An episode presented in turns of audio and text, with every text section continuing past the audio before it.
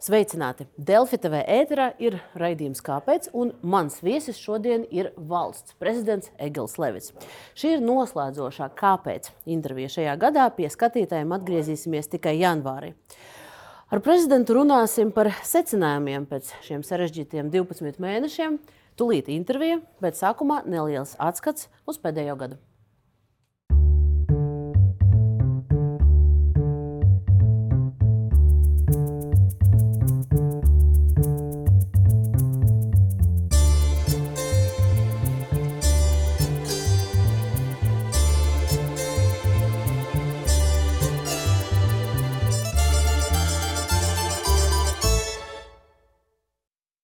2022. gada sākums.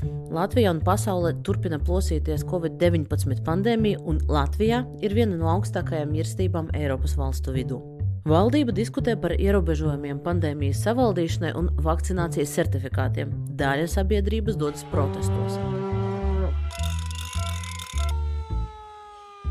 Lai gan saslimstība strauji auga, jauno omikrona variantu cilvēki pārslimo vieglāk, tāpēc jau februārī sākās diskusijas par ierobežojumu atcelšanu. Kopš pavasara dzīve Latvijā norīt gandrīz bez ierobežojumiem.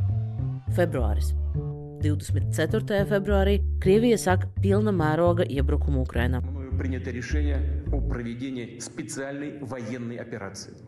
Putina plāns trīs dienās ieņemt Kijivu izgāžas. Rietumu valstis nodrošina plašu atbalstu Ukrainai. Tā turpina pretoties okupācijai jau desmit mēnešus. Krievijai mērķiecīgi veicot brutālus kara noziegumus, karā cieši miljoniem ukraiņu.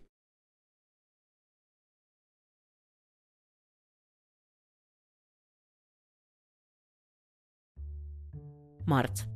Atbildot uz Krievijas agresiju, Rietumvalstis šī gada laikā apstiprinājušas arvien jaunas sankcijas pret Krieviju, finanšu, enerģētikas, transporta, vīzu politikas un citās jomās. Un pat labam tiek gatavot jau desmitā sankciju kārta. Vienlaikus sankcijas nopietni ietekmē arī Rietumvalstu ekonomiku. Strauji augot energoresursu cenām, inflācija sasniedz jaunus rekordus. Pēc Latvijas bankas prognozēm gada vidē inflācija Latvijā sasniegs 17,3%. Augusts 11. augustā Saima pieņēma paziņojumu par Krievijas atzīšanu kā terorismu atbalstošu valsti, pakāpeniski demontēti padomju okupāciju slavinoši pieminekļi. Pēc septembrī Saima galīgajā lasījumā atbalstīja likumu grozījumus, nosakot pakāpenisku pārēju uz izglītību tikai valsts valodā līdz 25. gadam. Oktobris. Rudenī Latvijā notika saimnes vēlēšanas, un jaunajā parlamentā darbu turpina vairs tikai ceturtā daļa iepriekšējā sasaukuma deputātu. Novembris. Kopumā saimā ievēlētas septiņas partijas, bet vienas no ilgākajām koalīdzijas veidošanas sarunām decembra vidū rezultējušās ar valdību, kurā pārstāvēti trīs politiskie spēki - Jaunā vienotība, Nacionāla apvienība un apvienotais saraksts. Levita kungs, laipni lūgts, kāpēc ētrā? Paldies! Jauku dienu visiem! Pirms nedēļas apstiprināta jauna valdība, un te jau divus mēnešus jau strādā jaunā saima. Tad runāsim arī par politiķu darba novērtējumu.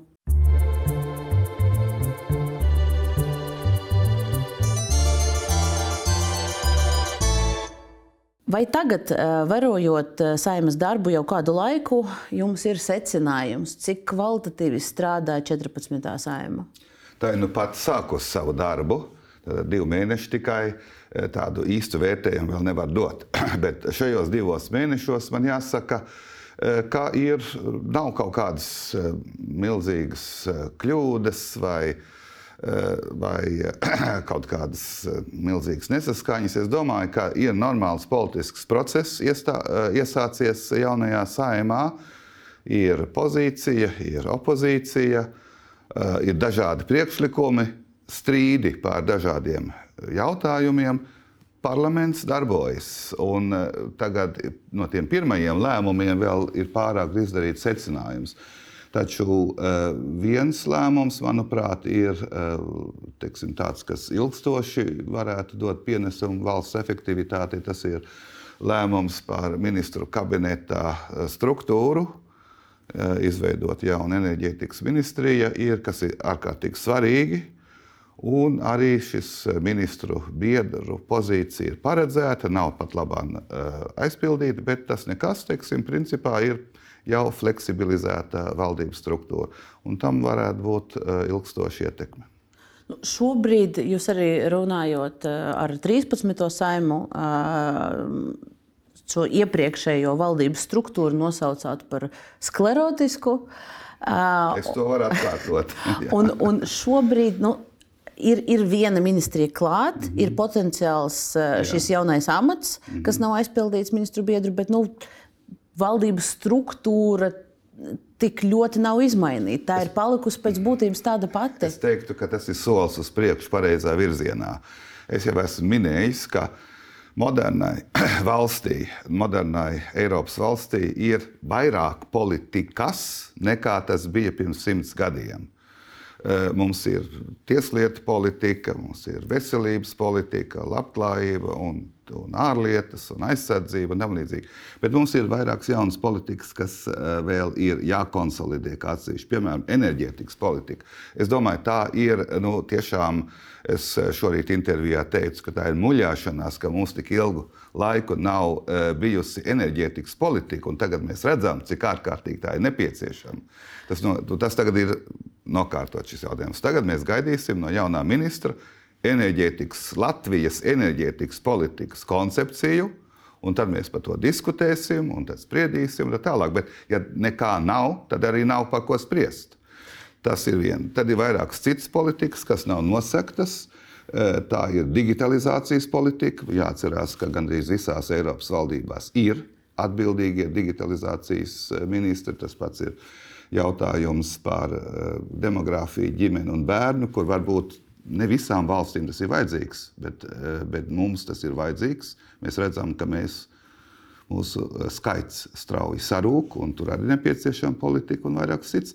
Tās iespējas pastāv, un es domāju, ka solis pareizā virzienā vispār domāšana, ka valdības struktūrai ir jābūt fleksiblai, jāpiemērojas aktuālai situācijai, un eh, šajā situācijai ir jābūt atspoguļotai valdības struktūrā.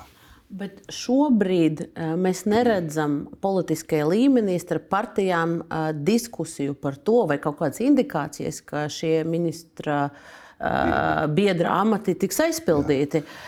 Un, jums tiešām ir ticība, ka tas notiks? Es domāju, ir radīti priekšnosacījumi, lai to varētu izdarīt. Valdība iet uz priekšu maziem solīšiem. Es, protams, labprāt vēlētos lielu platu soli vai vairākus platus soļus. Pat. Tā ir tāda neliela tipināšana, bet nu, arī vismaz virziens ir pareizs. Jūs gan no, no politiķiem, no jaunas saimnes prasījāt straujas pārmaiņas. Pagaidām mēs neredzam, ka tas ir pildīts. Straujas pārmaiņas, ilgspējīgas pārmaiņas. Es redzu, ka ir atvērtība šiem jautājumiem, bet eh, teiksim, tādas eh, uzreiz, tagad, pirmajos divos mēnešos, tādu milzīgu soli uz priekšu es neredzu. Vislielākais solis patiešām ir, ka mēs varam sagaidīt nākamā gada sākumā konsolidētu, eh, labi izstrādātu enerģētikas politiku. Es minēšu to piemēru ar teiksim, to, kā mums būs Eh, enerģijas, eh, enerģētika pēc desmit gadiem. Ir runa par eh, jaunām mazajām kodola elektrostacijām. Visa Eiropa to runā.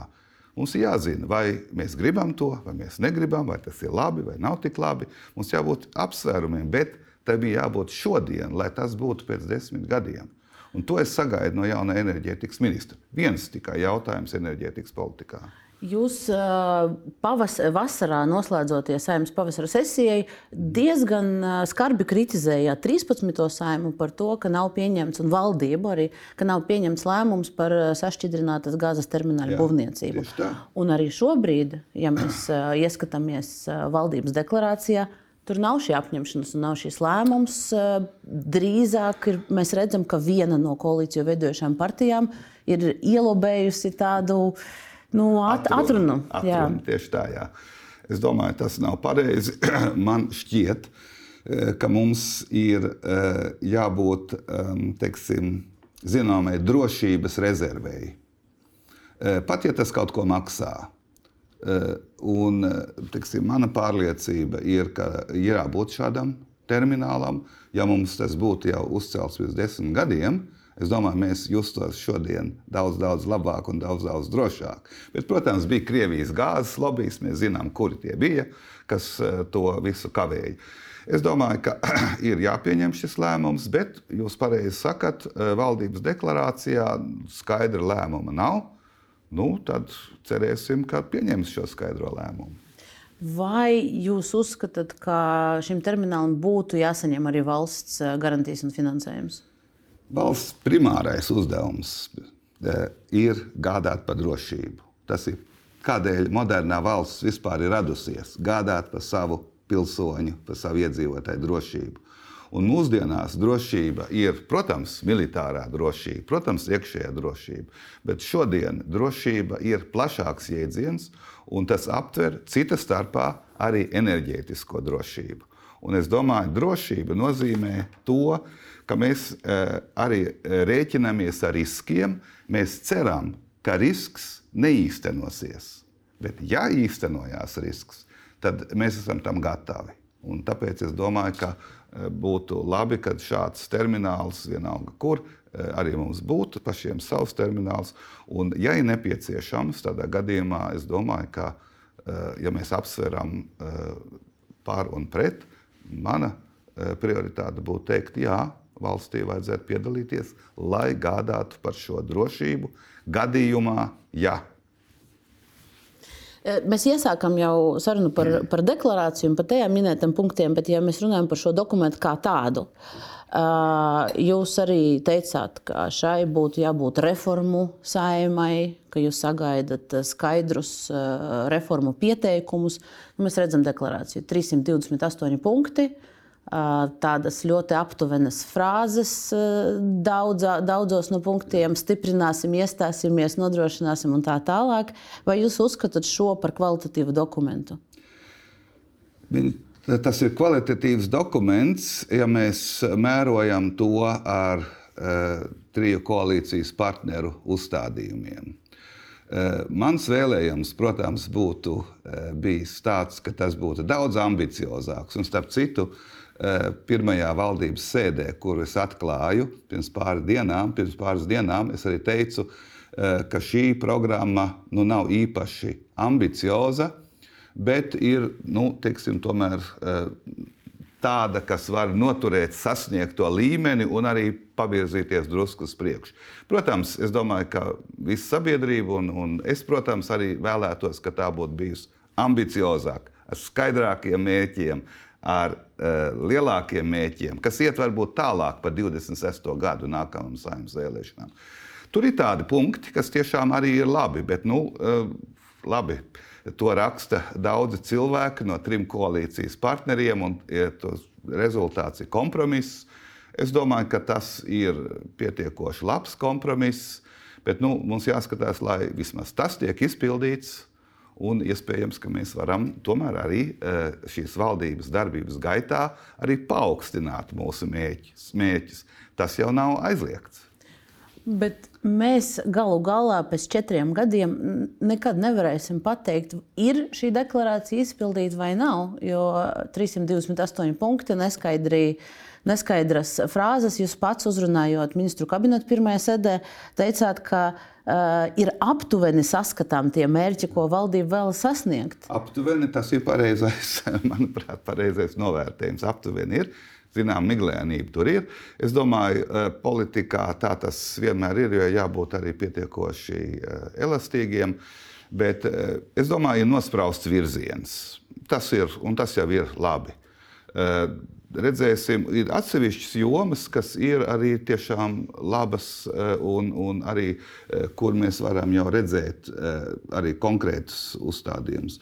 Un, manuprāt, nu, viss tāds ambiciozākais uzstādījums ir ka eh, mēs turpmāk, tātad līdz 26. gadam, asignēsim eh, zinātnē un pētniecībai 1,5% no iekšzemes koprodukta, un pat labāk ir 0,7%. Mēs dubultosim četros gados.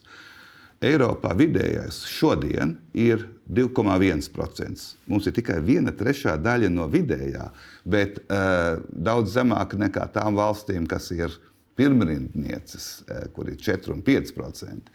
Labi, mēs četros gados līdz 1,5 Eiropā tajā laikā pēc četriem gadiem palielināsies šis procents līdz 3, un tad jau mēs būsim pusi no vidējā. Tā kā man jāsaka, nu, mēs pātrinām šo gaitu, bet tā kā ir tik ļoti iekavēts, tad mums diezgan ilgs ceļš vēl ir priekšā. Bet es domāju, tas, ka šis ir šī konkrēta apņemšanās, nu, tomēr mēģināt izrauties ātrāk, es domāju, tas ir tiešām sasniegums. Es esmu to visu laiku norādījis un arī deklarācijas sagatavošanas gaitā. Kad man uh, Krišāns Kariņš ziņoja iknedēļ par to, kas tur notiek. Es uz, uzstāju uz šo punktu un vairākiem citiem punktiem, arī kas ir uzņemti deklarācijā. Es domāju, ka tas ir pareizais virziens. Bet deklarācijas sagatavošanas gaitā jūs bijāt klāt. Mhm. Vai jums bija iespēja ietekmēt šo procesu? Un, un panākt to kaut kādu skaidrāku dokumentu, nevis tik izpildošu. Domāju, to, to, Vai jūs no savas puses izdarījāt visu, lai mums ir skaidrāks jā. šis plāns? Es, teiksim, tas, ir, tas ir sarunu rezultāts tam trim koalīcijas partneriem. Protams, tas ir viņu uzdevums to darīt. Es atsevišķos punktos devu savu uzstādījumu.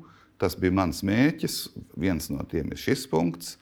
Eh, un eh, tie arī eh, lielā mērā tika uzņemti Kuri deklarācijā. Bija? Kur bija tie citi punkti, kur nu, jūs uh, uzstājāt, ka tiem ir jāparādās? Piemēram, jautājums par enerģētikas ministriju. Tas bija mans uzstādījums, bet tiešām es domāju, ka nu, bez tā diez vai būtu. Tas pats arī par šiem 1,5%.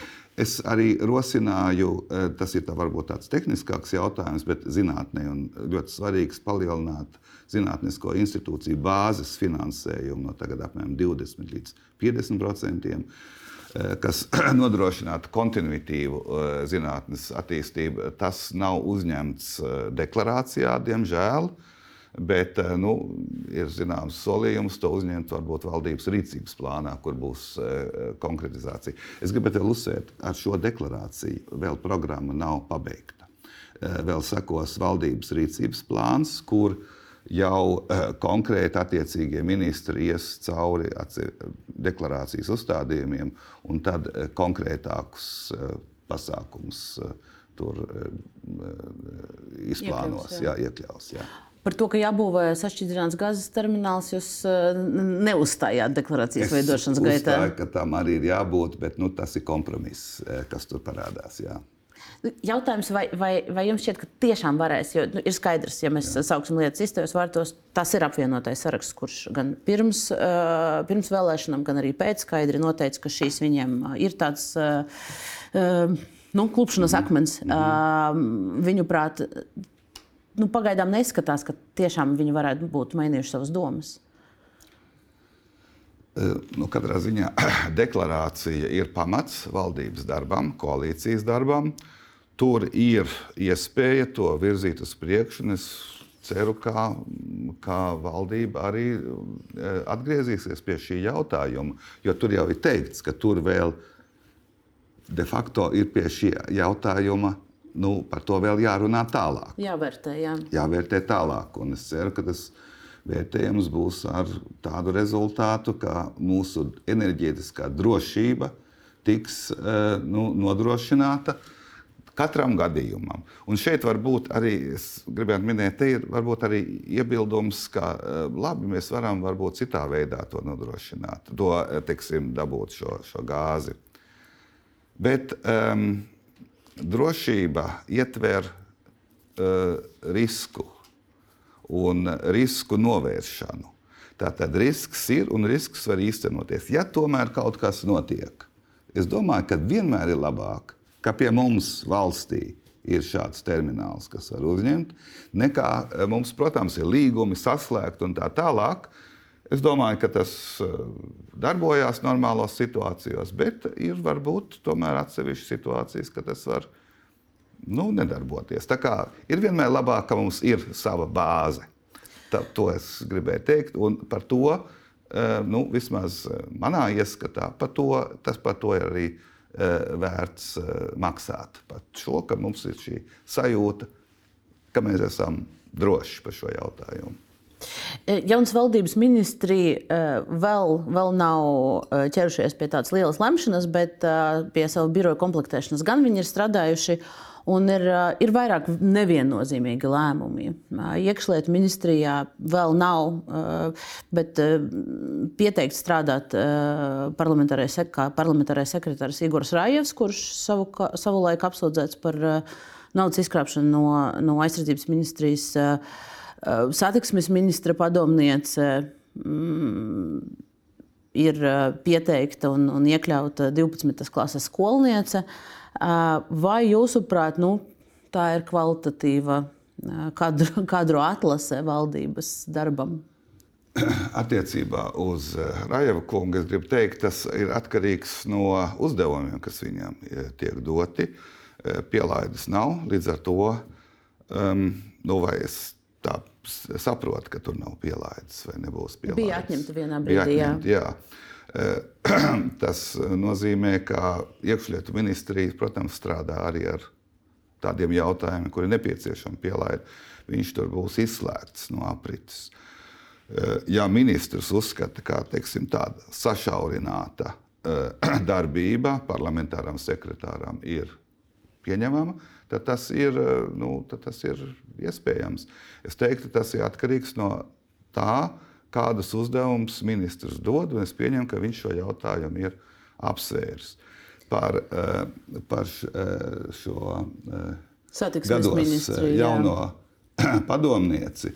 Es domāju, tas, protams, arī ir atkarīgs no tā, kādi uzdevumi ir. Es pieņemu, ka es, kā ministrs ir domājis vairāk uzrunāt jauniešu auditoriju. Un, teiksim, man, man šķiet, ka, varbūt, ka viņi var kaut ko uh, teksim, palīdziet ministram labāk tikt klāt pie jauniešiem. Bet, tas Vai ir satiksmes atkarīgi. ministram jātiek pie jauniešiem obligāti?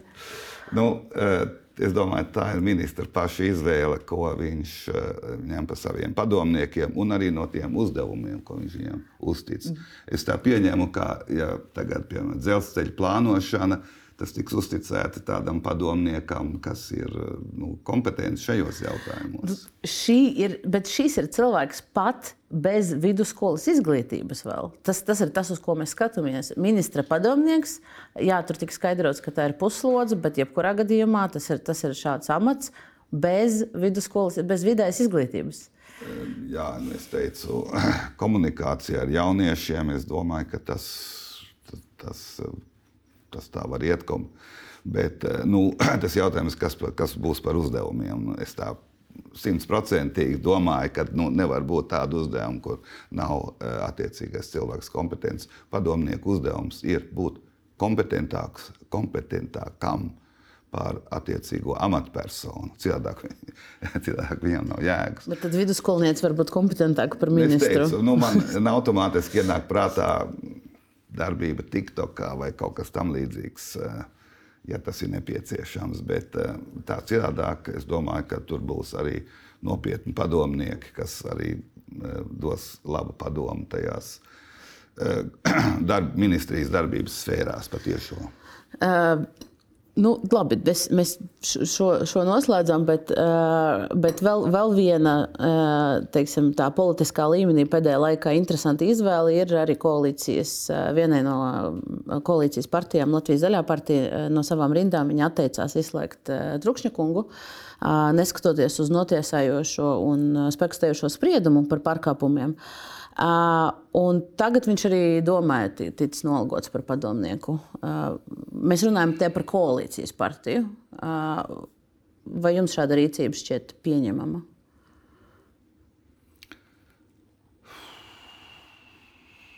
Tas ir atkarīgs no tā, kādus standartus attiecīgā partija sev uzstāda. Un, eh, protams, eh, labi standarti, tādi eh, politiskās kultūras standarti, nu, ir augstāki par šo lēmumu. Bet formāli tas nav, nav aizliegts. Bet, nu, tā, mums ir jācenšas mūsu politisko kultūru paaugstināt, teiksim, augstāku standārtu uzstādīt, nevis turpināt uh, tādus standartus, kas ir zemāki. tad jūs nosodat šādu attieksmi pret spriedumu? Es runāju par standartiem, nevis par konkrēto personu. Un tas, protams, ir partijas. Tas uh, iezīmē nu, pašu partiju. Izsaka kaut ko par to partiju. Un, uh, tas, teiksim, partijai pašai jāredz, kā viņi redz sevi vēlētāju pilsoņu acīs. Es, jūs, jūs visos, es, es pajautāju par tādām trīs epizodēm, par partiju lēmumiem attiecībā uz konkrētām personām. Un, nu, visās, visās atbildot uz, uz visiem tiem jautājumiem, jūs nu, tā atstāt uz to vērtēt. Jūs izvairāties no tā, lai tiešām nu, tā, no kaut kāda morāla, ētiska viedokļa pateikt, nē, šāda rīcība nav pieņemama. Kāpēc? No manām atbildēm ir skaidrs, kā es to vērtēju. Mums, es redzu to, protams, kopumā, ka mums ir šie standarti ir jāpaukstina. Un šīs ir trīs epizodes, ko jūs uh, minējāt. Uh, bet, uh, nu, mums ir tāda koalīcija, kāda viņi ir, un te ir ievēlēti tādi deputāti, kādi mūsu pilsoņi ir ievēlējuši. Un, protams, mēs varam abstrakt vēlēties daudz labākus eh, standartus, daudz eh, labāku sastāvu, bet nu, mums ir jāstrādā ar tiem, eh, kas ir. Un es domāju, tad, ja, ja šī valdība patiešām darbojās, un, tad nu, mēs darbojās un, un dara arī to, ko tā ir nolēmusi, nu, tas būtu tas, tas, ko mēs varētu sagaidīt no šīs koalīcijas, no šīs valdības. Protams, abstrakti mēs varam daudz labāk teiksim, politisko kultūru un politisko sastāvu sagaidīt, bet nu, tas atspoguļo mūsu sabiedrību. Jā. Nu, e, mūsu sabiedrība atspoguļo arī tas, cik, cik mēs iestājāmies pret kaut kādām politiķu. Jā, es domāju, ka tas, protams, šie visi gadījumi arī e, ļauj un, ļauj un liek e, pilsoņiem vērtēt attiecīgo partiju un izdarīt savus secinājumus viens, viens lēmums uh, no pol ievēlētiem politiķiem, kas eh, pēdējā, pēdējās nedēļās arī ticis apspriests, ir lēmums, uh, šīs saimnes lēmums neparņemt civilās savienības likumu no 13. saimnes. Jūs teicāt, ka par šo vienzīmumu ģimeņu aizsardzību mm, esot nepieciešama nu, lielāka diskusija sabiedrībā. Bet nu, Diskutēts īstenībā pēdējos nu, vismaz 20 gados ir diezgan daudz. Ir mhm. konferences, debates, saimā, citos, citās pētījuma, satversmes tiesas spriedums un tā tālāk. Kādā formā vēl jūsuprāt jānot, ir, ir jānotiek tajā diskusijai? Es domāju, progresīvi jau teica, ka tie turpinās cīnīties par šo likumprojektu vai par šādu likumprojektu. Eh, tā kā tā diskusija turpināsies, ir jāpārliecina vairākums. Pat labāk nav pārliecināts vairākums. Eh, Saimā.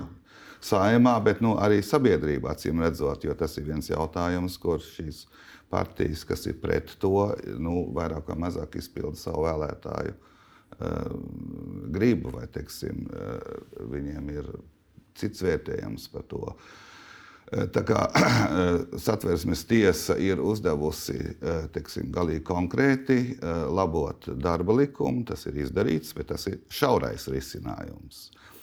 Bet motīva daļā satversmes tiesa ir teikusi, nu, ka vajag arī šādu aptverošu risinājumu. Es domāju, tas ir pilnīgi iespējams, bet uh, tur ir jādabūna vairākums. Un, lai dabūtu vairākumu, ir tomēr jāpārliecina visi tie skeptiķi. Nu, pēc eh, mūsu iepriekšējās intervijas ma maijā eh, varēja secināt, ka jūs arī esat viens no tiem skeptiķiem. Es eh, teiksim, tā, tur ir, protams, jāskatās konkrēti. Es domāju, ka tradicionālais ģimenes jēdziens ir ļoti svarīgs. Un jebkuram citam risinājumam būtu tas jārespektē. Bet es domāju, ka blakus tam ir iespējami dažādi risinājumi. Jā. Jāteic, ka jau pirms diviem gadiem socioloģiskās aptaujas rādīja, ka puse no Latvijas sabiedrības, Jā. vai vismaz puse aptaujāto, ir par uh, tiesību piešķiršanu mm -hmm. vienzimumu ģimenēm.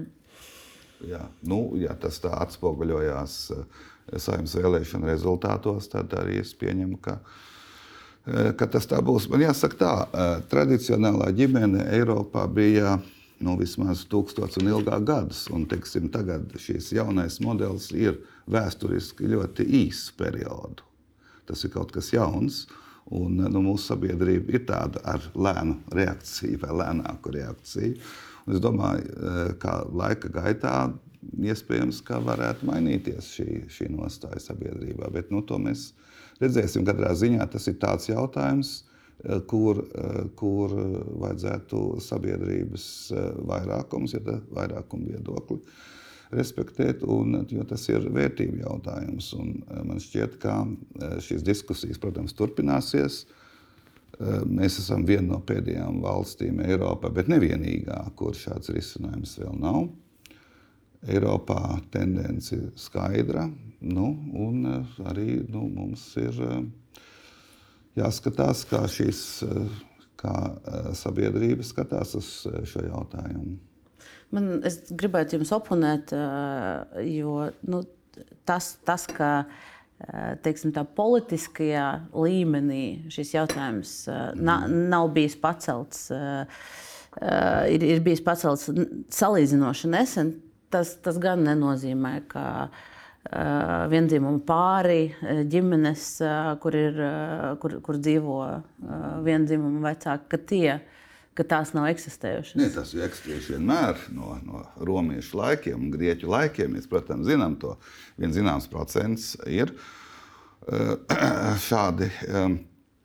Ar šādu eh, orientāciju, un, eh, un eh, tradicionālā ģimene to, kā sakot, to ignorē šo daļu.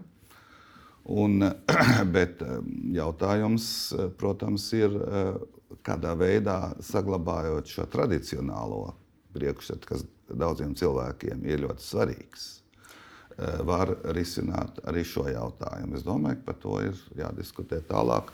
Šis eh, likumprojekts bija viens mēģinājums, viena iespēja, varbūt arī vēl citas. Nu, es teiktu, ka eh, tas ir teiksim, tāds samērā lēns pārliecināšanas process, diskusiju un pārliecināšanas process. Ar atvērtu rezultātu. Es nevaru pateikt, kāds būs rezultāts. Šobrīd uh, arī te, uh, šajā studijā pirms nedēļas uh, ārlietu ministrs, valdošas partijas pārstāvis runāja par to, ka nu, piedāvājums, kas varētu būt koalīcijai uz galda, ir tātad atsevišķu tiesību iestrādāšana dažādos likumos, piemēram, mantojuma vai nodokļu atlaides. Mm. Bet te man būtu jautājums jums, kā juristam, vai, vai jūs redzat, kā šīs ir risinājums? Jo nu, tad pieņemsim valsts ieņēmumu dienestam būtu jāvērtē. Vai mēs izsniedzam nodokļu atlaidi šim cilvēkam, vai nē, vai viņi ir ģimene vai nē? Es domāju, ka tas arī ir viens risinājums. Tas ir viens risinājums, tas nav vienotā, vienotā paketē šis risinājums. Tas ir atsevišķos, eh, atsevišķos likumos iestrādāts. Es domāju, ka šis jautājums ir jārisina. To gan es uzskatu, jā. kādā veidā ir diskusija jautājums, jo, kā jau teicu, eh, lielai vai lielākai sabiedrības daļai šis uh, tradicionālās ģimenes institūts ir ļoti dziļi iekšā viņu vērtību sistēmā. Un e, tam jaunam risinājumam jābūt tādam, kas e, to atstāja nu, neskartu. E, un, bet tur ir, tur ir tiešām dažādi risinājumi. Ārlietu ministra piedāvātais ir, manuprāt, ir diskutējams un varētu atrisināt šo jautājumu. Pēdējais jautājums šajā, par, attiecībā par šo likuma projektu, vai, vai nu, šobrīd jau tikai ideja, ja skatieties to jauno reinkarnāciju. Eh, vai jūs, prāt, eh, homoseksuāli cilvēki Latvijā jūtas droši un pasargāti? Es domāju, ka mēs esam principā toleranti sabiedrība, bet ir atsevišķi netoleranti cilvēki. Kopumā sabiedrība ir ļoti toleranta um, salīdzinājumā, bet uh, ir atsevišķas uh, izpausmes, kuras gan iet mazumā. Es domāju, ka lielākā daļa cilvēku ir apraduši to, ka uh, sabiedrībā ir šie cilvēki, kas ir, eh, kuru jautājumu ir jārisina, kuriem ir savas problēmas tieši sakarā ar šo. Eh, un eh, es domāju, ka, ka principā šie cilvēki var justies droši Latvijā. Un tur, kur ir šādas izpausmes, tur, protams, ir, ir jāvēršās pret šīm izpausmēm. Par, par, mēs vēl runāsim par nākamo gadu un par to, kas, kas valdībai, politiķiem būtu nākamajā gadā jāsasniedz un jāpieņem lēmumi. Bet uh, es gribētu vēl, vēl dažus jautājumus par to, kas, kas ir šogad noticis. Un, un uh, viens no tiem uh, nu, skaļākiem pēdējo mēnešu skandāliem Latvijā iekšpolitiski ir uh, Tive Reina, jeb Dožas apraides tiesību atņemšana, anulēšana. Latvija pēc būtības kā valsts, gan no Nepal puses, gan var noprast arī no ārlietu ministrijas puses, nu, ir aicinājusi Dožs un citus Krievijas neatkarīgos mēdījus Latvijā strādāt.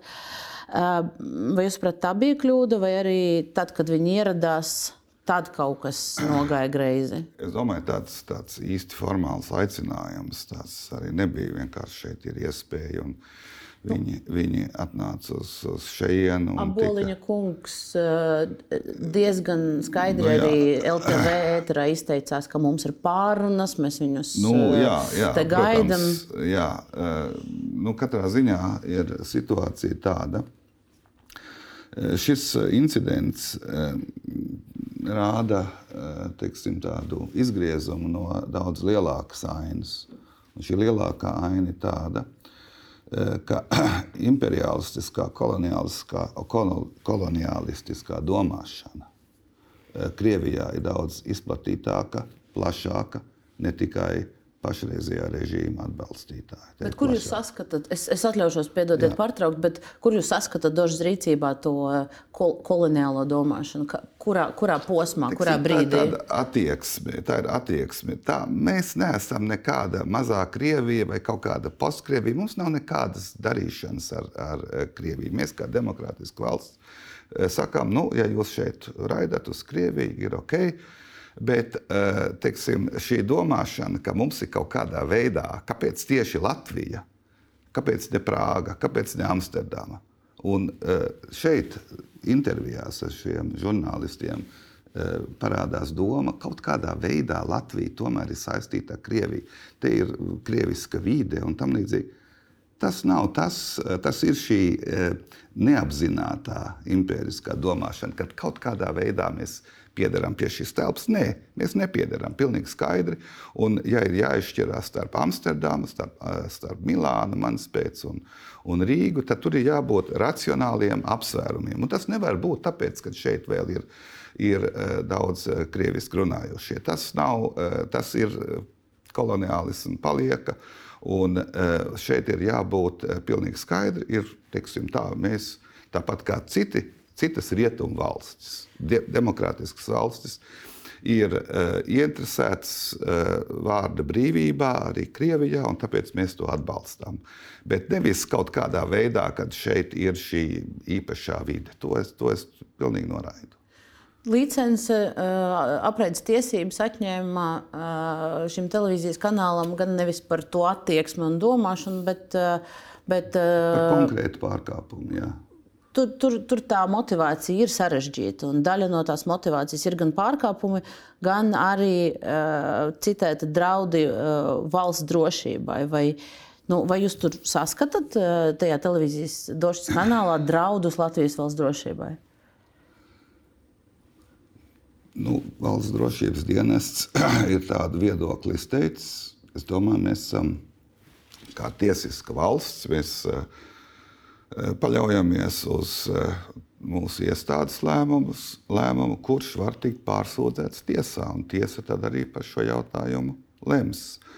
Eh, man ir grūti tagad iepriekš to, to, to teikt. Es domāju, ka galvenais, protams, ir šī, šī politiskā nostāja, ka, kuru nu, vismaz latviešu sabiedrība teiksim, ir Eh, saskatījusi, ka uh, nu, vienas daļas Krievijas demokrātiskās opozīcijas acīs mēs neesam tieši tāda pati uh, demokrātiska rietumvalsts kā Nīderlanda vai Itālija. Vai kāds, kad šeit ir kaut kāda īpaša tuvība Krievijai, un to, to mēs negribam. Ja Došs uh, tagad jums lūgtu interviju, jūs piekristu? Mm. Es pārdomātu. Tagad es nevaru atbildēt, es pārdomātu uz to.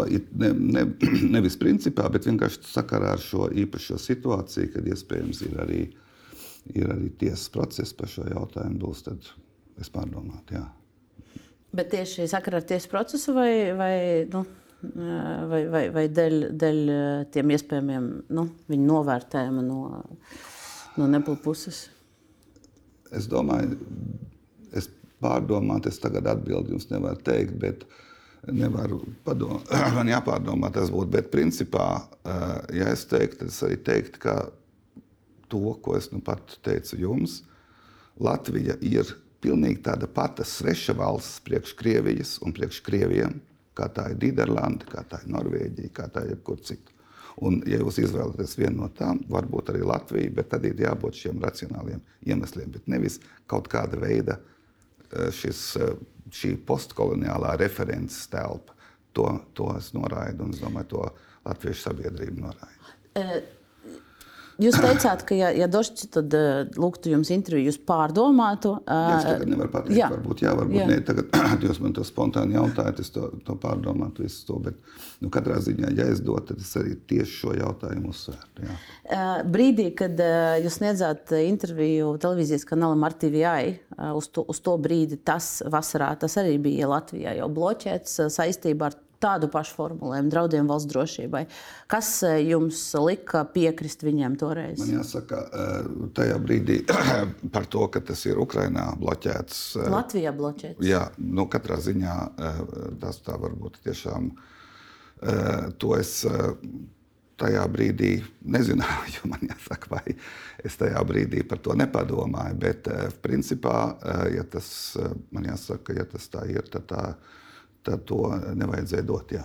28. februārī, uzreiz pēc kara sākuma, tika pieņemts šis lēmums no Nepal puses eh, bloķēt ar TV. Jā, jā nu, katrā ziņā eh, nu, tas, tas nebija pareizi no manas puses. Jā. Jūs izvērtējat, kur, kur, kur bija problēma, kurā brīdī jūs jo, teiksim, kāds, kāds toreiz, neparbaudīja, neizčakoja? Ne, netika iz, iz, iz, izvērtēts. Eh, vienkārši tā, tūlīt pēc kara sākuma tas bija Krievijas raidītājs, kas eh, bija pret režīmu un eh, līdz ar to, kā sakot, diezgan tā automātiski, kas saka, ar šo, šo interviju es arī devu. Bet tagad es, protams, būtu rūpīgāk izvērtējis šo jautājumu. Jā. Nu, tad, ja viņi aicinātu vēl, tad jūs vairs nesniegtu interviju. Nu, ja, viņi paši. ir, ja viņi ir aizliegti, nē, protams. Jā. Um, Vēl viens jautājums par, par tādu nu, valstiskumu un, un drošības situāciju sakarā ar karu. Krievijas iebrukumu Ukrajinā ir arī šajā studijā izskanēja diezgan skandalozi vārdi no, no Daugopils mēra Andreja Elksniņa. Viņš Viņa ieskatā, viņš, pa, viņš pauda, ka viņa prāt, Krīmam piedarot Krievijai, un tur arī bija citas, citi, citi, citi izteikumi. Vai jūsuprāt, nu, tās sekas ir bijušas, nu, vai mēs redzējām pietiekoši kaut kādu reakciju? Politiskā reakcija, protams, bija. Un, teiksim, demokrātiskā dialoga ietvaros eh, eh, Elksniņš tika eh, smagi kritizēts par to. Jautājums ir vienīgi, vai viņš ir pārkāpis teiksim, demokrātijā pieļaujamās robežas, un to, protams, vērtē attiecīgie tiesību sargājošie orgāni. Viņi to vērtē pastāvīgi arī attiecībā uz uh, pašvaldību politiķu izteikumiem, kā Elksniņš. Un, ja tāds, tāds pārkāpums būtu bijis, tad būtu bijis arī attiecīga reakcija. Es domāju, ka ar viņu arī tika veikts sarunas par šo jautājumu. Viņš ir brīdināts. Tā kā, tā kā teiksim, eh, likums, eh, likuma teiksim, robežas tiek ievērotas. Bet uh, likuma ietvaros, uh, acīm redzot, tāda uh, tas ir pieļaujams. U, bet tai reakcijai ir jābūt politiskai reakcijai. Mēs visi, un arī es, nosodu, protams, šāda veida uzskatus un domāju arī, ka tāds, par tādām partijām vai par tādiem cilvēkiem nedrīkst arī vēlēt. Jā savā darbā, vai kopš ir izskanējuši šie viedokļi, vai jūs pamanījāt sarunās ar citiem valstu līderiem vai, vai diplomātiem, vai jūs pamanījāt kaut kādus, kādu reakciju uz, šo?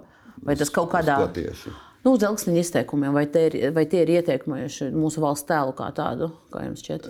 Es personīgi neesmu sastapies ar šo, teiksim, ārpusē. Latviju eh, reprezentē eh, eh, trīs galvenās amatpersonas - valsts prezidents, ministra prezidents un ārlietu ministrs. Un tur mūsu, mūsu viedoklis ir saskaņots un pilnīgi skaidrs. Latvija tiek vērtēta kā demokrātiska valsts, tiesiska valsts, kura iestājas par starptautiskajām tiesībām un nosoda un ir pret Krievijas agresiju, un ne tikai vārdos nosoda. Mēs esam tie, kuri sniedz vislielāko palīdzību Ukrainai. Pirmajā vietā pasaulē, salīdzinot ar mūsu iespējām, respektīvi ar mūsu iekšzemes koproduktu. Un tas tiek augsti vērtēts eh, rietumu sabiedroto vidū. Vai jūs, ja mēs nu, atgriežamies mazliet pie, pie, pie Daugavpils, pie Latgales reģiona kā tāda, vai, vai e, jūs e, nu, veltat tam pietiekošu uzmanību? Jūs bijāt e, pavasarī vizītē. Es zinu, ka Es biju arī vasarā, es biju Ludzā. Un, un es, es, vairāk, es esmu diezgan daudz es biju Latvijā. Teiksim, vairāk nekā citos reģionos. Es regulāri braucu. Tagad nākamais man būs um, Madonas apmeklējums. Tādas reģionālās vizītes pieder pie manas darba. es, man tās uh, ir ļoti svarīgas. Bet nu, Latvijā šajā gadījumā, ja mēs apskatāmies visā manā darbības laikā, es esmu pievērsis īpašu uzmanību. Jā. Mēs iesākām par, par nākotni, tad arī parunāsim par, par 2023. gadu, kas straujiem soļiem tuvojas, un, un par to, ko mēs sagaidām no, no mūsu valsts politiķiem un, un no sevis pašiem.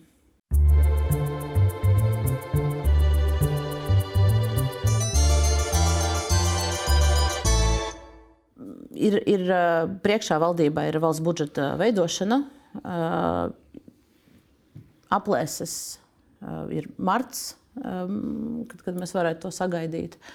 Vai jūsuprāt, šis ir pietiekoši ātrs temps? Nu, ātrāk, acīm redzot, nav iespējams. Šeit man jā, jāsaka, ir viena problēma, kas ir ietverta satversmē.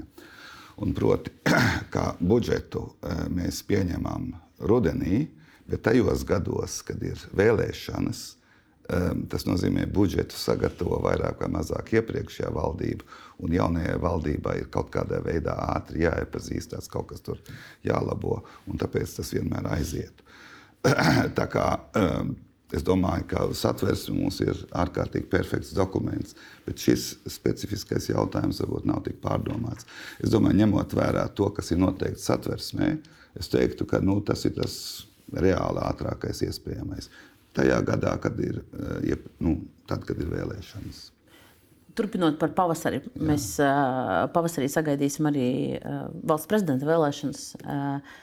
Vai jūs esat pieņēmis lēmumu vai kandidēsiet uz otro termiņu? ļoti strauji mainās, un nav jēgas, to es arī nedaru. Eh, domāt eh, iepriekš par kaut ko, eh, kas vēl nav aktuāli un, un kas, kur ir daudz dažādi nezināmie. Es domāju, ka prezidenta kandidāti ir jāiesniedz saimnes deputātiem maijā, tad es arī pateikšu savu viedokli. Bet, nu, es esmu pārliecināta, ka pārdomas un, un uh, jums joprojām noteikti ir. Uh, ko jūs ņemsiet vērā, lemjot? Jūs varbūt esat pārsteigti, bet es par to daudz nedomāju. Es vēroju situāciju, uh, par ko es varu būt drošs, ka es katrā ziņā varu 8. jūlijā, kad ir šis termiņš, arī beigt savu darbu. Man ir visādas domas, ko es darītu pēc tam, visādi zinātniski projekti. Bet, um, Galīgais lēmums, protams, jāpieņem ir maijā. Un tad ir jāredz, kā ir, kāda ir politiskā situācija. Es varu turpināt, es varu neturpināt, bet man nav nekāda liela jēga tagad uh, lauzīt galvu par to, kas ir pāragri. Jūs... Es vienkārši vēroju situāciju. Bet jūs, jūs, jūs tikko teicāt, ka jūs vērosiet politisko situāciju, vai, vai es pareizi nolasu, mm. ka pēc būtības jūs sakat to pašu, ko teicāt pirms kandidēt, kandidēt uz, uz, uz pirmo termiņu, ka jā, jūs redzēsiet atbalstu koalīcijai, tad kandidēsiet. Es, es pareizi nolasīju, vai ne gluži? Es domāju, ka um, atbalstu, protams, tā. ir diezgan mazjēdzīgi ehm, kandidēt eh, bez zināma, teiksim, jau eh, bez zināma atbalsta. Var eh, domāt par to, vai šis atbalsts ir pietiekams, pietiekams vai nepietiekams, bet katrā ziņā es domāju, ka es maijā redzēšu situāciju un tad arī, tad arī lemšu par to. Vai nu es turpināšu, vai arī neturpināšu. Man jāsaka, eh, es par to galvu nelauzu, es ļauju žurnālistiem lauzīt galvu par to. Mēs varam noklausīties nelielu fragment no, no ārlietu ministra Edgars Rinkeviča teikto, eh, teiktā arī šajā studijā pirms nedēļas. Eh, arī par jūsu kandidatūru mēs mm. potenciālo mēs runājām, un lūk, ko viņš ir atbildējis. Es domāju, ka lielā mērā tā būs diskusija. Uh, Manuprāt, būtu labi, ja mēs varētu kā koalīcija vienoties par atbalstu vienam kandidātam, bet te būs divi priekšnoteikumi. Pirmais, pašam jāpasaka savus lēmumus, kandidēt vai nē. Un otrs, tad ir jāsaprot, vai ir atbalsts saimā. Nu, šobrīd tie publiskie signāli ir ļoti, ļoti dažādi. Nu, redz... Es pilnīgi piekrītu. Publiskie signāli ir ļoti, ļoti dažādi. Un eh, tad, kad būs attiecīgais laiks, tad es droši vien izsvēršu visus šos signālus. Nu, tie signāli, eh, par kuriem eh, ministrs runā, mēs varam uz ekrāniem arī paskatīties. Pirms vēlēšanām žurnāls ir uzdeva jautājumu politiskajām partijām, kas kandidēja, vai viņi atbalstīs jūs kā, kā kandidāti, ja gadījumā jūs izlemsiet kandidēt. Un te ir apvienotais saraksts viennozīmīgs nē, un, un, un viņi joprojām. Un, un, un pieminēts, ka viņi virzīs savu kandidātu. Mm. Uh, arī TV3 kolēģiem bija sižets par šo pašu tematu.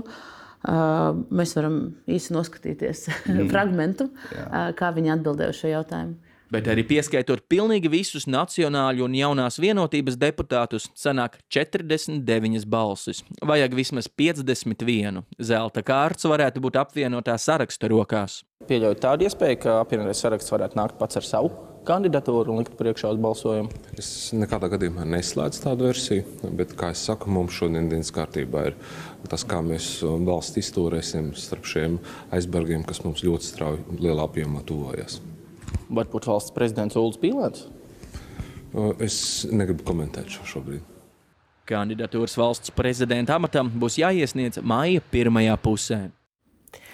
Nu, lūk, nu šobrīd atbalsta nav. Jā. Šis ir ļoti svaigs sižets. Es to, es to pieņemu zināšanai, ka šobrīd atbalsta nav. Tā tas ir. Uh, Redzēsim, kāda būs situācija maijā, tad arī pieņemšu lēmumu. Bet jūs gaidīsiet, vai jūs mēģināsiet kaut kādā veidā iegūt to atbalstu un saprast, kāpēc apvienotajam sarakstam jūsu kandidatūra nepatīk? Es domāju, es, man ir grib? sava darba kārtība, es to esmu izplānojis līdz uh, jūlijam. Uh, un es uh, ieturēšu to darbu kārtību, kāda, kāda man tur ir.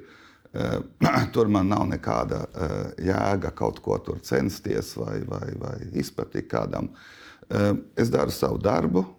Ja ir atbalsts, ir. Ja nav atbalsts, nav. Man jāsaka, situācija ir, ir vienkārši. Es pieņemu zināšanai, un tad redzēsim, kāda būs situācija mājās. Kā jau teicu, šodien atbalsta nav. Okay pieņem zināšanai. Bet jūsu atturīga pozīcija, nu, skaidri nevērtējot tos politiķu darbus, par kuriem es prasīju, gan par Truksni, gan par Raivu, tas, tas, tas nav saistīts ar vēlmi nu, kā, ne. kaut kā mazliet nu, nekonfliktēt ar, ar, ar partijām. Es, mans, mana izpratne par valsts prezidenta darbu ir, ka valsts prezidents ir tas, vai tā institūcija, kura domā par valsti kopumā un par ilgspējīgu attīstību. Un es to esmu līdz šim darījis, es to arī turpināšu. Kas saka, man tas nav īpaši būtisks jautājums. Varbūt jūs tas pārsteigs, vai es būtu vai es nebūtu prezidents. Priekš manis personīgi tas nav pārāk būtiski. Bet atkarībā no atbalsta es tad lemšu par to jautājumu. Bet mana darba kārtība ir pilnīgi skaidra, un to es arī turpināšu. Es gribu intensīvi nobeigt savu līdzinējo mandātu. Par tālāko tad redzēsim. Uh šajā studijā pirms pusgada arī mēs runājam par, par jūsu darba novērtējumu, un es gribu nelielu fragment arī nospēlēt no tās intervijas. Mm -hmm. Kādu atzīmi jūs sev ielikt kā prezidents līdz šim? No desmit? desmit balēs es liktu sev 7,5 līdz 8. Atzīme paliek tāda pati. Jo... Es domāju, ka ka teiksim, neviens nav perfekts, eh, neviens politiķis nav perfekts, arī neviens vispār cilvēks nav perfekts. Es domāju, ka eh, kritisks sava darba vērtējums pieder pie laba darba. Jā, un tāds man ir. Tad tā atzīme tāpat paliek tāda pati kā pirms pusgada. Eh, ir jābūt kritiskām sevis vērtējumam, sevis, sevis pārvērtēšana ir diezgan slikta īpašība, sevis nenovērtēšana arī ir slikta īpašība. Es domāju, ka man ir pareizā latiņa. Um, Turpinot runāt par, par, par 23. gadu un tiem lēmumiem, kas, kas mums visiem jāpieņem, viens liels lēmums jau tagad, janvārī, ir gaidāms.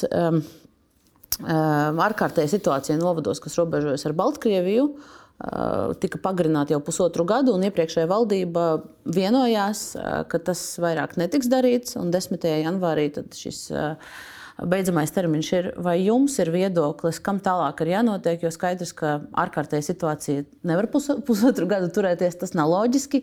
Vienlaikus tā ir tā, kas, ko Latvijas valsts izmantoja, lai, lai īstenot tās augstos pušbekus un, un nepieņemtu patvērumu pieprasījumus šajos reģionos.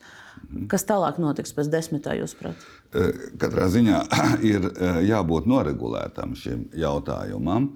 To var noregulēt kā, sakot, kā pagaidu risinājumu, atbildot uz tiksim, tādiem konkrētiem, īslaicīgiem apdraudējumiem, bet, ja apdraudējums kļūst pastāvīgs, tad arī vajag pastāvīgu regulējumu. Es domāju, ka nu, pie tā valdība arī strādās. Tas ir viens no jaunā iekšlietu ministra primārajiem uzdevumiem. Bija Eh, pieņemts lēmums uzbūvēt žogu. Tas ir teiktu, pusratā palicis. Eh, es domāju, pie tā būtu jāstrādā, bet nu, katrā ziņā, um, ja ir, mēs konstatējam, ka ir pastāvīgs apdraudējums, jābūt pastāvīgam regulējumam. Bet patstāvīgi iekļaut likumā uh, normu, kas, uh, kas, liek, kas ļauj nepieņemt patvērumu lūgumus, to Latvija nevarēs tiesiski darīt. Tas būtu pretrunā. Tas, bet, uh, tur tas ir jāsaist, protams, ar konkrētiem apdraudējumiem, bet vienkārši nevis izmantot šo ārkārtējo uh, situāciju regulējumu, bet konkrētā likumā ir uh, jau iespējams paredzēt šādas situācijas galīgi konkrētajos laikā, konkrētajā vietā. Es domāju, tas ir, tas ir likuma regulējuma jautājums, bet nu, katrā ziņā Latvijas valsts nedrīkst uh, pieļaut to, ka tā tiek izspiesta ar eh, šādām metodēm. Tas ir mūsu drošības jautājums. Bet vai uh, šīs būs uh, pieņem, tiesiski iespējams no starptautisko tiesību viedokļa, ka mēs vispār likumā ieliekam uh, iespējamību nepieņemt patvērumu pieprasījumus, jo šīs ir tas. Starptautiskās tiesības nav pretrunā ar valsts drošības aizsardzību. Tas ir valsts drošība ir e, tā, kas ir, kā jau pirmie teicu, valsts primārais, pats primārais uzdevums, un to mēs arī e, šo uzdevumu pildīsim. E, bet starptautiskās tiesības nav pretrunā, to vajag pareizi izdarīt, bet starptautiskās tiesības atzīst valstu drošības intereses. Ļoti īsi man jāatvadās no, no RTV skatītājiem, jo tur um, lineārā televīzija mūsu ēteris jau ir beidzies. Paldies RTV skatītājiem un uh, tiksimies ar jums uh, nākamajā gadā. Un ar jums turpināsim uh, Delfi TV studijā. Um, runājot par, par, par šo krīzi uz, Baltkrievi, uz robežas ar Baltkrieviju, vakar publicēta ziņa, ka viens no cilvēkiem, kas stumta pāri robežai no Baltkrievijas puses, ir miris Reizeknas slimnīcā, ja nemaldos, no hipotermijas. Kādu rīcību jūs sagaidāt no, no, no, no visiem iesaistītiem dienestiem pēc, pēc šīs nāves? Es domāju, šis jautājums, šis gadījums ir jāizmeklē. Bet līdz šim Latvija arī pieļāva humanitārus izņēmumus, un tādi ir pietiekoši daudz. Un jāizmeklē, kādā veidā arī šis, kā, kā šis gadījums ir, ir noticis. Un es domāju, tāda izmeklēšana arī būs. Nu, proti, jūsuprāt, ir jāizmeklē un jāsaprot, vai, vai ja, ja pret šo cilvēku ir tā sauktie pushbacki realizēti, proti, proti viņš tika stumts atpakaļ uz Baltkrievijas pusi šajā nu, mežā. Nu, kādā situācijā viņš atradies? Vai viņš jā. jau ir bijis slims? Jā, jā nu, kādā situācijā ir atradies. Tas, protams, ir konkrēts gadījums, kas arī tiks konkrēti izmeklēts. Jā. Par Ukraiņas bēgļiem noteikti pirms mēs atvadāmies, es, es gribētu arī runāt, jo valdības deklarācijā nav viņi pieminēti, ja nemaldos. Un šobrīd joprojām uz Latvijas-Krievijas robežas ienāk bēgļi, kas, kas caur Krieviju ir, ir paguvuši paglāpties. Uh, Um, divus mēnešus brīvprātīgie, kas palīdz um, viņiem uz robežas, ir uh, lūguši valstī uzstādīt apsildāmo telti. Um, Latvijas televīzijas sižets uh, pirms uh, dažām dienām tur bija skaidrojums, kāpēc tā telts bija nepieciešama. Mēs varam īsi noskatīties fragment. Ārā ir augsti, ir jāsasildās. Vienkārši fiziski jāsasildās. Maziem bērniem slapja apavi, slapja apģērbi. Viņi ļoti bieži ir saslimuši jau gaidot uz robežas. Nu, principā tas ir būtiskākais - sasildīties, padzert siltu tēju, sagaidīt, sagaidīt transportu, lai viņi var braukt tālāk. Un no šīs sižeta varēja secināt, ka šo jautājumu diezgan vienkāršu savstarpēji metāja kā karsto kartufeli aizsardzības un iekšlietu ministrijas. Beigās valsts tā arī nevarēja palīdzēt. Tā bija, tā bija, tas bija privātais ziedotais. Vai jūs varat novērtēt šo situāciju? Tas ir sadarbības trūkums starp divām ministrijām, kas, starp citu, mums ir diezgan raksturīgi. Uh, tas ir eh, jānovērš, tā nedrīkst būt, un vienkārši šis jautājums ir jāatrisina. Eh, tā teltī vai cita veida palīdzībai tur uz robežas ir jābūt, es pieņēmu, ka jaunais iekšlietu ministrs, kurš ir atbildīgs tieši arī par situāciju uz robežas, to steidzīgi šo problēmu novērsīs. Bet, ja kopumā mēs vērtējam Latvijas palīdzību Ukraiņas bēgļiem, uh, Vai tā ir pietiekama? Nevalstiskās organizācijas, kas ar šo jautājumu nodarbojas, ilgstoši sūdzās par to, ka nu, uzmanība nav pietiekoši pievērsta. Eiropas salīdzinājumā, Eiropas salīdzinājumā tā uzmanība un tā palīdzība, ko mēs sniedzam Ukraiņu bēgļiem, ir patiešām ļoti augstā līmenī. Protams, mēs varam vienmēr teikt, ka palīdzība nav pietiekoša. Vienmēr var darīt vairāk. To dara gan valsts, gan arī sabiedrība. Es domāju, ka tur ir atsevišķi punkti, kur mēs varam uzlabot šo palīdzības sistēmu. Mums ir piemēram atsevišķs likums par palīdzību Ukrāņu bēgļiem. Ukrāņu bēgļi ir īsti bēgļi, kuri ir glābušies šeit no kara darbības. Liela daļa arī vēlas atgriezties pēc kara darbības beigās, beigām savā, savā dzimtenē. Ir, um, ir atkal liela daļa ir sievietes un bērni, arī tiek iesaistīti Ukrāņu bēgļi darba tirgū. Ir 11,000 ukrāņu, kur strādā Latvijā. Es domāju, tas ir ļoti operatīvi. Um, es um, gribu uzsvērt, ka palīdzība tiek dota, tā ir liela, Bet atsevišķos jautājumos, un tieši tādēļ arī nevalstiskās organizācijas ļoti labi, ka tās tur pieslēdzās, var uzrādīt šos trūkumus un e, attiecīgām iestādēm. Nu, primāri jau tā ir iekšlietu ministrija, ir operatīvi jā, jārēģē uz uzrādītajiem trūkumiem. Pašiem jāapzinās šie trūkumi un jārēģē uz to, ko e, saka nevalstiskās organizācijas, kuras strādā uz vietas. Un, e, visumā mūsu sabiedrība ir ārkārtīgi solidāra ar Ukrajinu. To es varu teikt teiksim, no uh, maniem uh, starptautiskajiem kontaktiem, ka mēs uh, tiešām, mēs saprotam, ko tas nozīmē. Viens no tiem trūkumiem, uz kuriem nevalstiskas organizācijas ilgstoši jau norāda, ir uh, valodas apmācības. Un šobrīd likumā ir iestrādāts, uh, ka tiesības uz, uz uh, latviešu valodas apmācībām ir no jūlija tikai. Jā. Nu, man liekas, tas ir tāds sīks, tas svarīgs jautājums. Bet nu, samērā ātri un risināms jautājums. Protams, tas ir naudas jautājums. Tas ir naudas jautājums, ir naudas bet, jautājums. Jā, bet tā nav tik milzu summa. Tas ir noteikti jāatrisina. Tas ir viens tāds gadījums, kur šī sistēma nedarbojas pietiekoši perfekti. Es domāju, ka kā tas tūlīt ir jāatrisina šis jautājums. Tas nav teiksim, kaut kādu miljonu jautājums. Es nezinu, cik tur tas summa ir, bet, bet tas ir. Ka, ka nu, varbūt iekšlietu ministrijā arī mm, ir, teiksim, nav tik labs pārskats par visu sistēmu kopumā.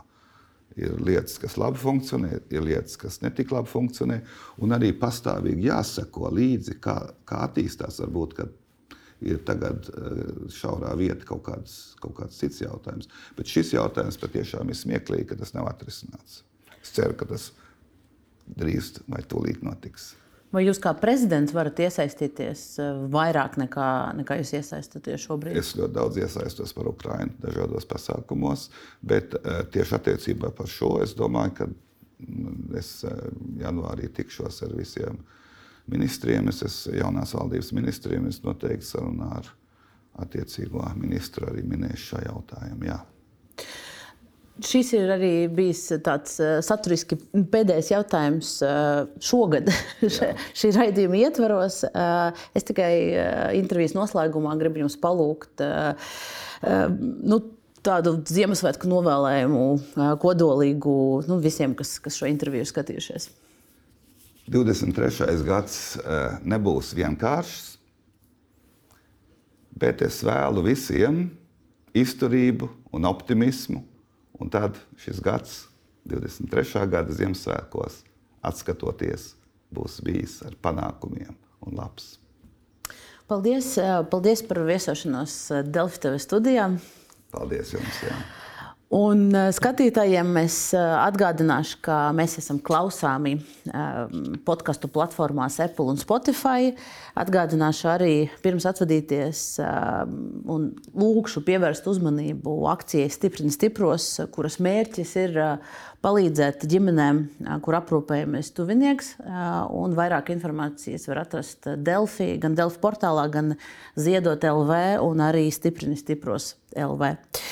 Mēs, radījums, kāpēc atgriežamies ēterā janvārī, tāpēc atvadoties, es jums novēlēšu priecīgu Ziemassvētku, laimīgu jauno gadu un tiekamies nākamgad.